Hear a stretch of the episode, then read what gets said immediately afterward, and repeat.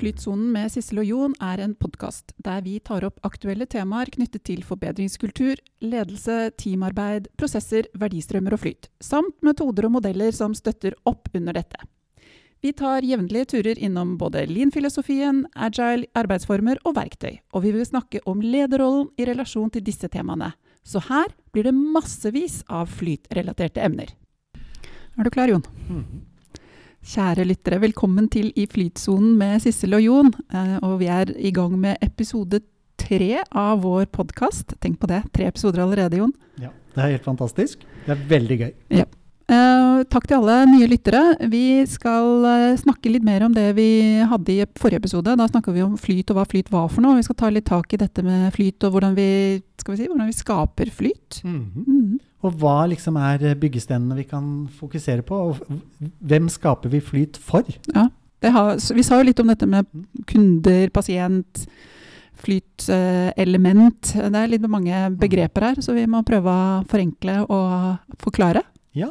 Og sist så sa vi bare litt grann om at uansett hvilken bransje eller hva du jobber med og for, om det er en offentlig sektor med publikumsservice, eller om det er en tradisjonell, klassisk varefremstillende industri, eller om det er en komplett digital verdistrøm med noen tjenester, så er det de samme eh, prinsippene som gjelder. Vi må kjenne verdistrømmene våre.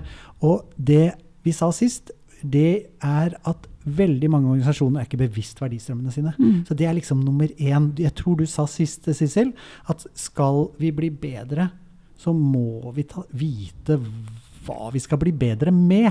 Ja, og jeg tror det at hvis du eh, det som jeg tror mange får en aha-opplevelse på, er at hvis de først faktisk tar seg bryet med å tegne opp prosessen, får med seg de som jobber inn i prosessen til å se på den sammen med seg, så begynner man å se at ja, men sånn gjør ikke vi det. Ja, men kommer det først? Kommer det etter der? Skal vi gjøre det eh, på den måten og i den rekkefølgen da? Ja, men hvem er det som har den rollen, og hvem skal gjøre det? Og så begynner den diskusjonen og den bevisstgjøringen å sette seg i, i, i teamet. Jeg kan jo nevne, jeg, hadde, jeg lagde en sånn rekrutteringsprosess eh, og hadde fem stykker tror jeg, som var rekrutterere inni en virksomhet, sånn Business Partners, HR. Og så viser det seg at eh, prosessen var ganske lik, men de gjorde ting helt på forskjellige måter. De hadde helt forskjellig approach til hvordan de gjorde hvert enkelt steg. Så selv om stegene er ganske åpenbare i en rekrutteringsprosess, så fikk vi en vanvittig diskusjon på hva som var beste praksis, og hvordan vi faktisk skulle gjøre dette på mest mulig eh, strømlinjeforma og verdiskapende måte. Veldig spennende. Du, jeg må også bare fortsette på akkurat det du snakker om nå, for det, er med å legge litt sånn kjøtt på beinet her. Og handler om verdistrømmer. fordi at i en av de fabrikkene som jeg innførte Lean i for noen år siden, så var de såpass flinke, så de ble gode. De fikk frigjort ganske mye kapasitet gjennom å jobbe med verdistrømmene sine. Og pga. det så kom vi inn i en konkurranse hvor vi vant et kjempestort magasinoppdrag. Fordi at vi rett og slett ble konkurransedyktige, for vi trengte ikke ekstra skift og sånt. Men de kjørte tre skift. Og når vi sammenlignet de tre skiftene, så hadde de tre helt forskjellige måter å løse oppgavene på. Så det, akkurat sånn som du illustrerte, så min oppgave egentlig der, det var å få én, eller jeg tror det var to, skiftleder pluss én til fra hvert team, og sette seg ned og så finne den derre gylne middelveien mellom å ha så bra produktivitet og flyt som mulig, samtidig som man får minst mulig makulatur. For hvis du pushet disse produksjonsprosessene for mye, så, fikk, så, så rant du til den andre enden. ikke sant? Så det var ikke den mest produktive, hvis du tenker bare på antall enheter per time som ble valgt. Det var nummer to. Fordi at de hadde kontroll på både at verdiene skal renne eller utvikle seg gjennom prosessen, uten at det koster mer enn det det skal. ikke sant? Så det er mange ting å tenke på her. Ja, og for da kommer vi inn på dette med, med, med type takttiden. At vi skal ha ikke så fort som overhodet mulig, men den riktige tiden, den riktige hastigheten ut ifra at vi skal ha minst mulig waste. At du skal finne en behagelig, korrekt, ikke for sakte og ikke for fort. Nettopp. Men her snakker vi om variasjon, og da er vi jo egentlig inne på et annet fagfelt som kalles for Six Sigma, men det skal vi ikke snakke om nå. Ikke nå, men Ikke vi nå. kommer helt sikkert Å, ja, ja, ja. Em, men det å se verdistrømmene, bare veldig kort om det, da. Et lite boktips. Det er en bok som heter 'Learning to See', hvor bl.a. Mike Ruther er forfatter. Han er jo guruen på guru. Yes. Og han sier jo det, ikke sant? Whenever there is a product for a customer, there is a value stream. The challenge lies in seeing it. Ikke sant? Mm. Det er så godt sagt, for det er jo det vi erfarer. Vi er ikke bevisste verdistrømmene våre. Mm. Så du må som leder, skal du få til noe, så må du forstå at det er verdistrømmer der. Og at det må hjelpe til å få initiert arbeid med å gjøre noe med det. Men vi har en, en annen eh, bok og en annen eh, klassiker eh, som eh, veldig mye av dette bygger på. Eh, den boken som heter 'The Machine That Changed the World'. Eh, si litt om den. Ja, det var min inngangsbillett til Lean, egentlig. Jeg ble helt satt ut når jeg leste den boken for første gang. Eh, The Machine That Changed the World, det er en bok som introduserer fem prinsipper ved å tenke verdistrømmer og lean. Uh, og de fem prinsippene de beskrives så godt i den boken at jeg var på limpinnen umiddelbart. Og jeg tenkte at veldig mye av det jeg har tenkt før, kan jeg egentlig bare kaste. For her har jeg fått konteksten, rekkefølgen og hvordan man skal jobbe med forbedringer. Og det, eh, eh, det som den boken eh, Den boken kommer som et resultat av et prosjekt som eh, MIT gjorde på slutten av 80-tallet. Jeg tror den kom ut i 1991.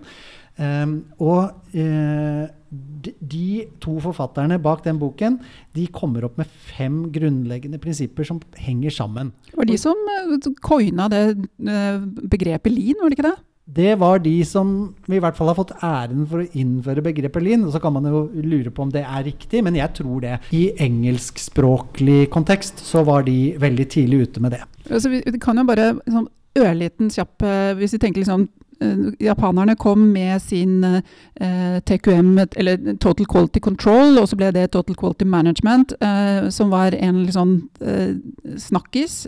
og så kom If Japan Can, Why Can't We? Hvor Deming liksom var en sånn popkulturell TV-program. Og så var det jo da Motorola svarte med Six Sigma, og så kom disse kara her med The Machine That Changed the World og Lean-filosofien. Ja de to herremennene, Womack og Jones, som, som, skrev den boken, det, det, som, eh, det forandret egentlig litt både måten jeg var leder på altså Det er en bok som er like aktuell, kanskje enda mer aktuell i dag.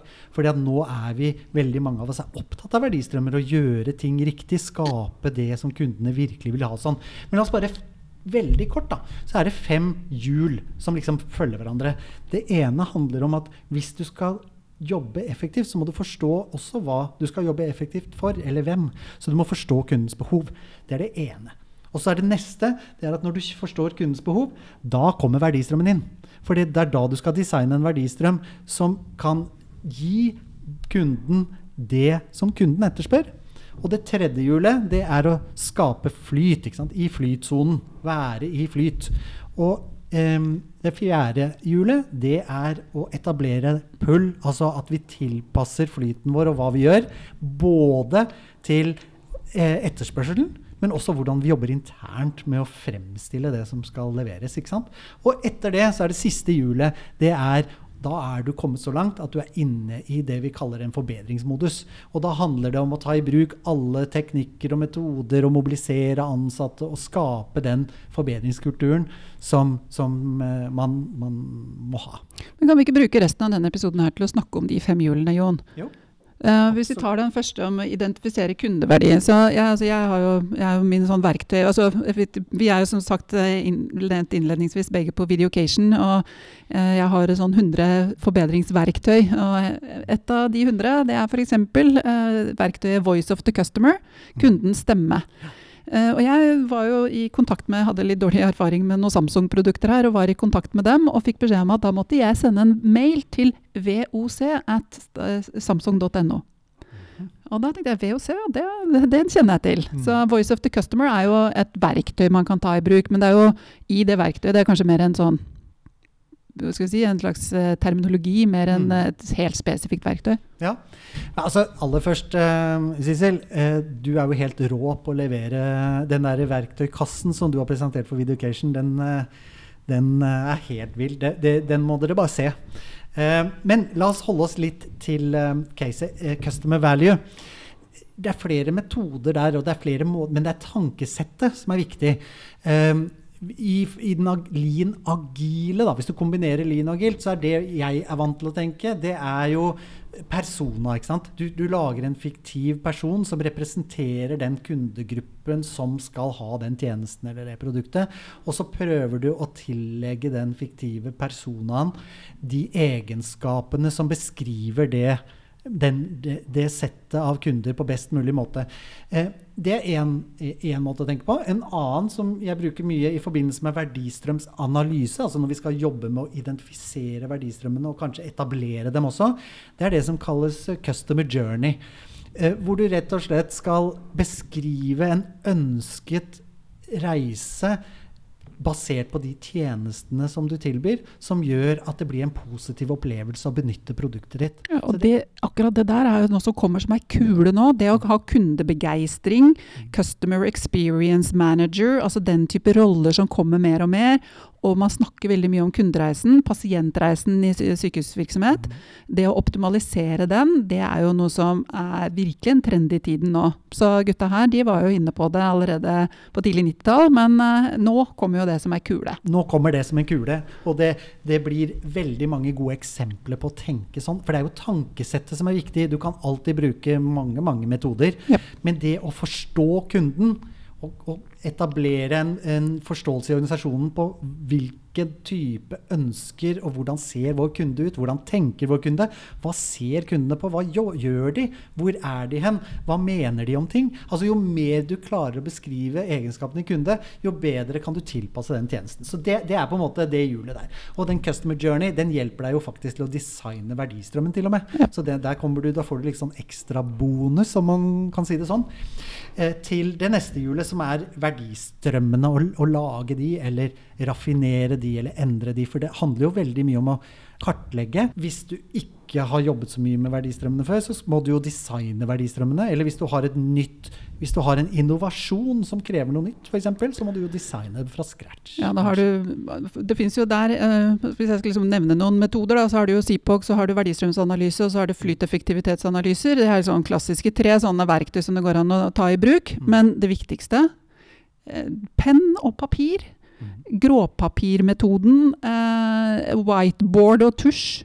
Altså eh, et flyt eller, eller mindmap, whatever. Et Mm. eller annet som bare noen Post-it-lapper, altså.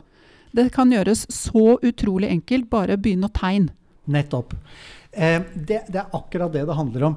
Eh, mobilisere og skape interesse og engasjement i organisasjonen for å gjøre noe med det. Det er jo da det skjer, ikke sant? Mm. Jeg kan jo nevne bare sånn veldig kjapt. Jeg jobbet jo i Aker BP som en del av den fusjonen der. Eh, da, og da satte vi et, gang, et stort prosjekt til å kartlegge alle prosessene og lage et prosessbasert styringssystem. Og den integrerende faktoren det var å trekke folk fra de ulike selskapene som fusjonerte inn, eh, inn i et rom og snakke om hvordan vi skal jobbe, det var en enormt viktig eh, element for å få folk til å begynne å tenke ett selskap, one team, nytt selskap, ikke det gamle. Eh, sånn skal vi jobbe sammen fremover. Fantastisk, altså. Kjempespennende. Jeg kan også bare si sånn rent praktisk, da. Når man skal jobbe med å optimalisere verdistrømmer eller skape dem, så er det, så er det gjerne sånn, i hvert fall det jeg har opplevd som positivt, det er at du må for det første må du ha med representanter fra verdistrømmen. Fordi at det eierskapet er jo fryktelig viktig, og ikke minst hvis det ikke er eierskap fordi det ikke er med i prosessene, så er det dødsstøtet for å få til noe. Men det som jeg også har um, I alle organisasjoner så er det alltid noen som s- stiller gode spørsmål. Og det har jeg veldig glede av når jeg hjelper selskaper, eller har gjort det selv i organisasjoner hvor jeg har vært- leder. Det er å ha de som ikke nødvendigvis kan mest, men de stiller de spørsmålene som vi spesialister kanskje ikke tenker så mye på. Som får oss til å løfte oss, få litt det holistiske blikket før vi dykker ned igjen. Den er viktig. Introverte skeptikere, de er gode å ha inn i sånne team, altså. Den, Fantastiske den, den team. rollen er veldig viktig. Og så, når vi er ferdig med liksom, eh, Ikke ferdig med, for du er aldri ferdig. Men, men den delen med å skape verdistrømmen, eh, og lage den, mappe den, som du sier, du tegner den ut på veggen. Du du, materialiserer den. Det kan være en digital vegg eller en analog vegg. Spiller ingen rolle. Men så handler det jo om å skape flyt. Og der, Sissel, der kommer problemløsningen. Der kommer verdistrømsanalysen med å identifisere hva som faktisk skaper verdi og ikke skaper verdi, og nødvendige ting du må gjøre som ikke kunden er villig til å betale for. Det er mange ting her. Ja, jeg husker en kollega som tegna opp en verdistrømsanalyse, og så det, kom vi til et uh, punkt hvor det var veldig mye iterasjon i veldig sånn hastighet, så det så ut som en sånn ordentlig sånn skravert uh, linje mm. uh, rett før en eller annen form for milepæl. Og hun påstod, pekte på det og sa at det der, det er panikk. Det var panikk tegnet inn i et flyteffektivitets... Så det er veldig mye som går an å gjøre. Det, men det blir så synlig, og det er det som er litt kult. fordi når du tegner opp kartet, så blir eh, eh, kartet, altså verdistrømmen blir synlig, og da er det så lett å se hvor vi har sløsing. Og så kan du begynne å fjerne den sløsingen, og da begynner du å skape flyt. Og Sissel, det er akkurat der du er inne på noe veldig, det er sånn tampe brenner for meg. fordi at når du jobber med en verdistrøm, så er det egentlig tre typer saker som skjer i verdistrømmen det er de grønne, som jeg kaller det. Det er det som kunden er villig til å betale for. Det er det grønne. Og så er det det gule, som jeg også kaller det. Det er aktiviteter som du er nødt til å gjøre, men som kunden ikke er villig til å betale for. De må være der. Det kan være rapportering til offentlig, det kan være hva Nød, som helst. Nødvendig, men ikke Nødvendig, men ikke verdiskapende aktiviteter. Og så er det det du gjør som ingen egentlig etterspør, som ikke har verdi for noen, og som ikke kunden er villig til å betale for heller, naturligvis.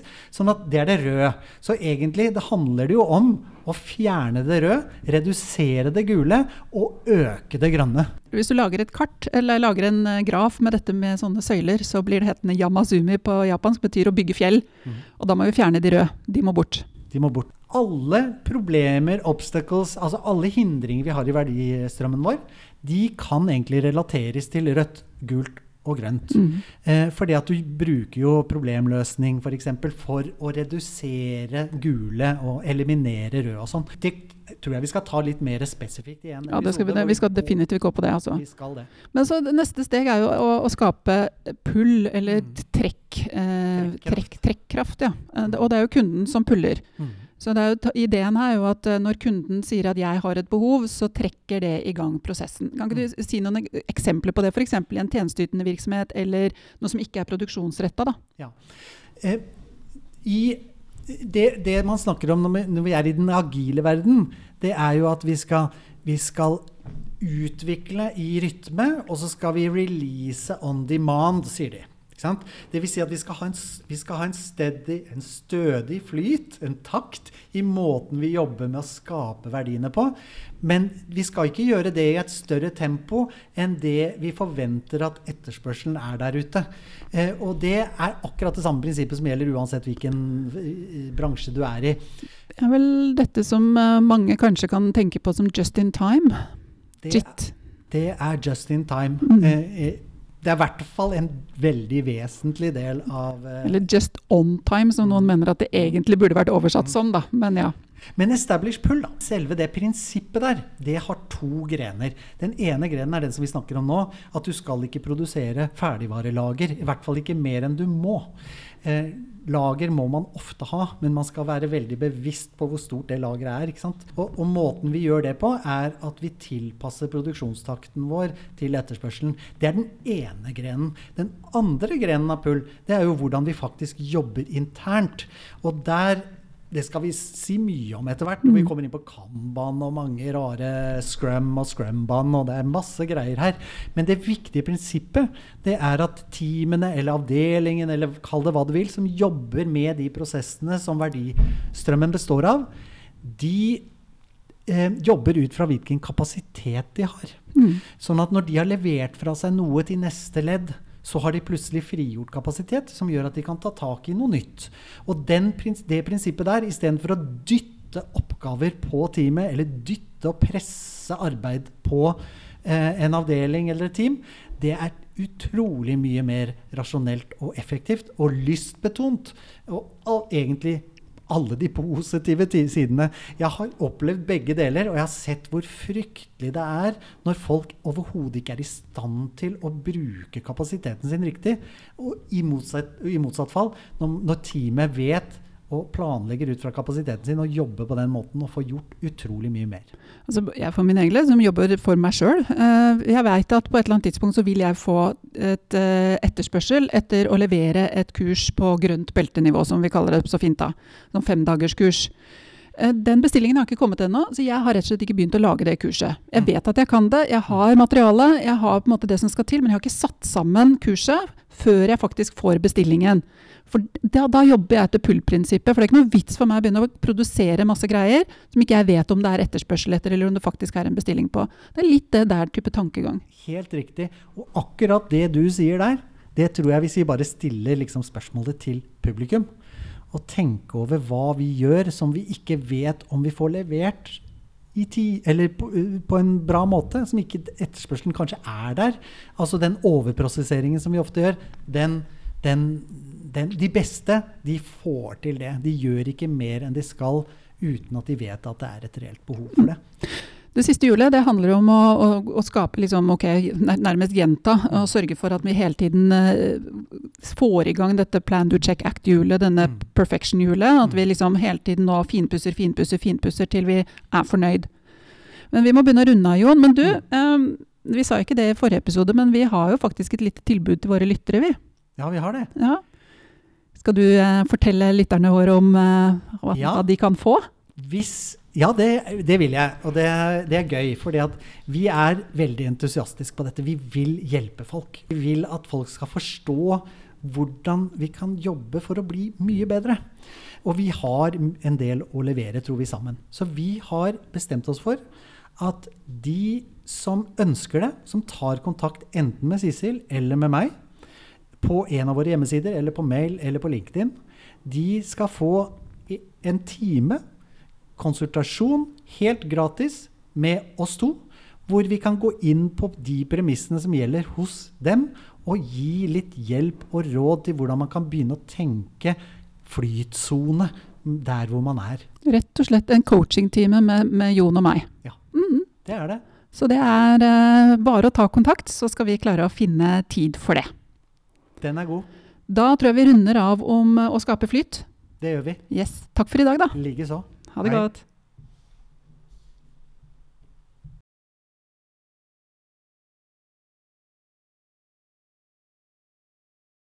Vår podkast I flytsonen med Sissel og Jon er sponset av Storås Quality Consulting og Force Agile.